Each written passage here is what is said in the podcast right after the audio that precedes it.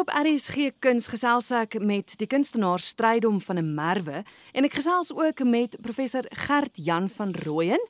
Hy is hoofuitvoerende beampte van Fanfire en buitengewone professor by die Universiteit van Stellenbosch. Baie welkom beide van julle op RSG Kuns. Baie dankie. Baie dankie. Nou goed, kom ons begin by die begin. Strydom, ek en jy het so 'n wyle terug gesels oor die Pollock Krasner stigting wat vir jou geld gegee het sodat jy hierdie jaar darm net jou water en ligte kan betaal en kos kan koop. Maar die projek waaroor ons nou gaan gesels, dit niks daarmee te doen nie. Dit is dis nog 'n meevallertjie wat wat oor jou pad gekom het hierdie jaar. Is ek reg? Dis reg. Ja, nee, dis dis 'n wonderlike meevallertjie wat ek dink ek ek al vir, vir baie jare wonder hoe weet hoe mense die ding kan benader wat natuurlik my werk wat ek in die natuur maak is nie permanent van aard. So wat eintlik oorbly is maar 'n dokumentasie van die werk wat ek gemaak het.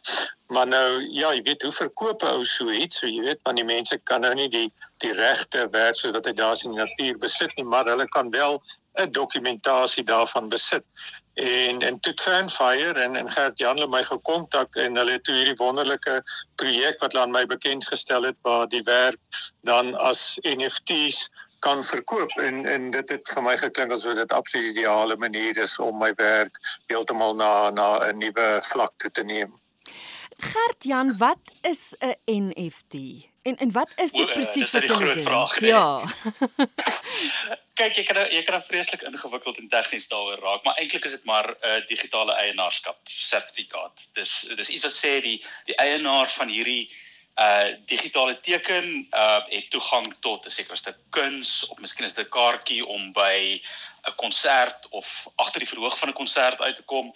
Uh of miskien is dit die eienaarskap van uh, van 'n paar kiste wyn. Ons het nou onlangs uh, groot wynversamelings ook met met NFT's verkoop, maar dis in wese nou maar net 'n eienaarskap sertifikaat. En in Strydom se geval het ons vir elkeen van sy uh, landkunswerke uh het Strydom vir ons digitaal vasgevang en die NFT's eh, die NFT het binne in 'n kontrak wat sê uh, as jy hierdie besit het jy die die kommersiële regte, die volle regte om hierdie intellektuele eiendom te geniet en te gebruik en en weer te verkoop as jy wil.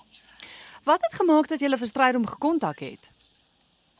Ek uh, ek is nou maar in wese 'n tegnoloog. Ek is nou al um, omtrent 'n dekade in blokketting tegnologie en die en die gebruike van blokketting tegnologie betrokke.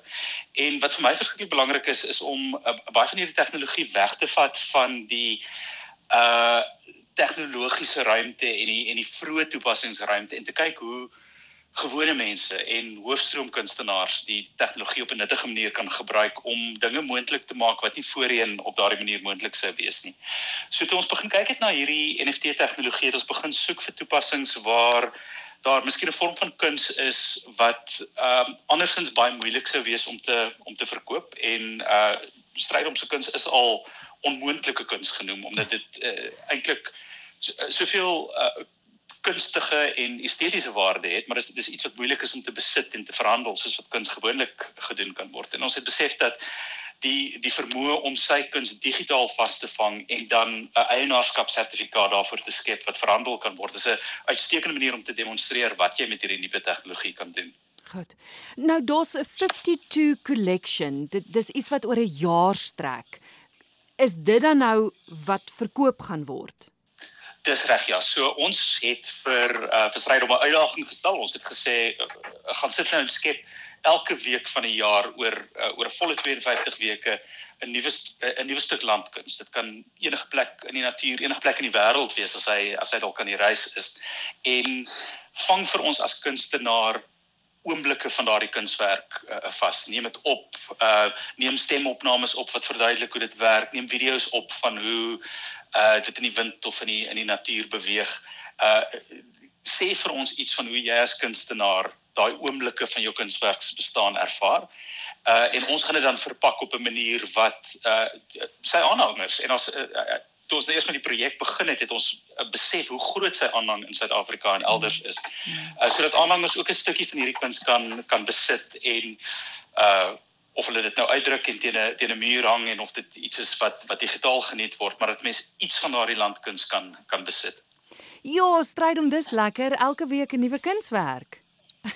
Ja, nee, dis vreeslik lekker. Dit is natuurlik 'n geweldige uitdaging, maar soos mens mos maar weer die lewe werk, maar werk mos maar volgens deadlines, so dit so dit dit is baie goed. Nee, dit dit, dit is absoluut wonderlik. En as mens dink oor 'n periode van 'n jaar, jy weet hoe hoe die seisoene verander en hoe die natuur verander, so dit is dis absoluut ideale proses vir my uh, om aan deel te neem wat vreeslik lekker is. En om om aan te sluit by wat Gert Jan sê, weet ek dink wat wonderlik is van van hierdie projek wat hulle nou met my werk loods is dat jy weet mense wil altyd weet jy weet maar waar hoe dink 'n kunstenaar waar kom die kreatiewe proses vandaan? Jy weet wat gebeur in sy kop wanneer hy besig is om te werk om die kunswerk te skep?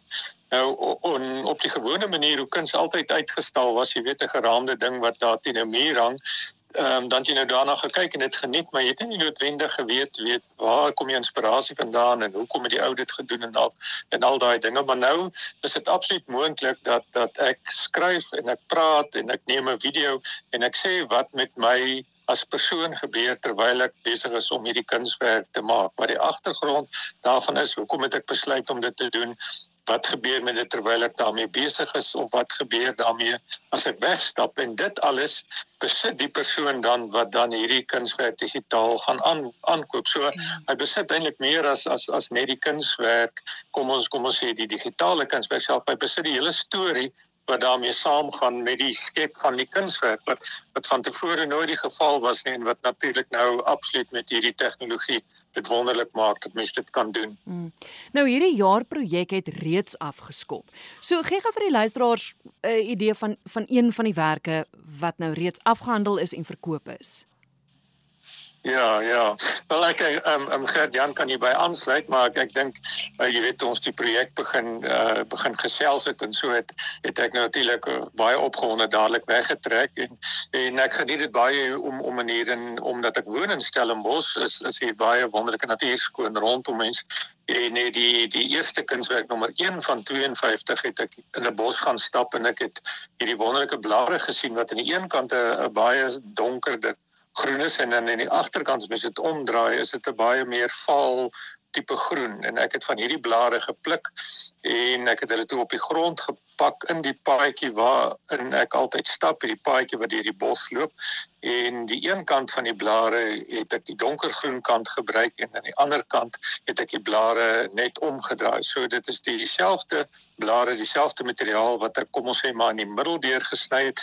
En in hierdie kunswerk is daar dan 'n lyn wat dan oplyn met die paadjie. So daai paadjie wat ou stap is die paadjie wat mens dan in die kunswerk kry en wat natuurlik wonderlik is is is dis nie net die kunswerk self dis die omgewing rondom dit wat gewys word in die kunswerk. So mens kan die bome en die paadjie sien en die hele dokumentasie daarvan vertel vir jou van die natuur skoon wat rondom hierdie kunswerk gebeur. So so dit was die eerste een en en toe daar toe daar nou natuurlik nog ander gevolg en en ek is so opgewonde ek kan myself nie keer nie. Ek dink ek dink ek hardloop die proses bietjie vooruit, maar maar dit stel 'n ou natuurlik in staat om dan uit, uiteindelik te kies.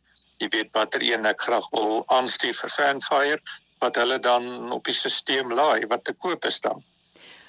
Gert Jan, hoe werk dit? As ek as luisteraar nou sit en luister na die onderhoud en ek wil gaan kyk, Hoe hoe word dit gedoen? Hoe koop ek? Wat moet die mense doen?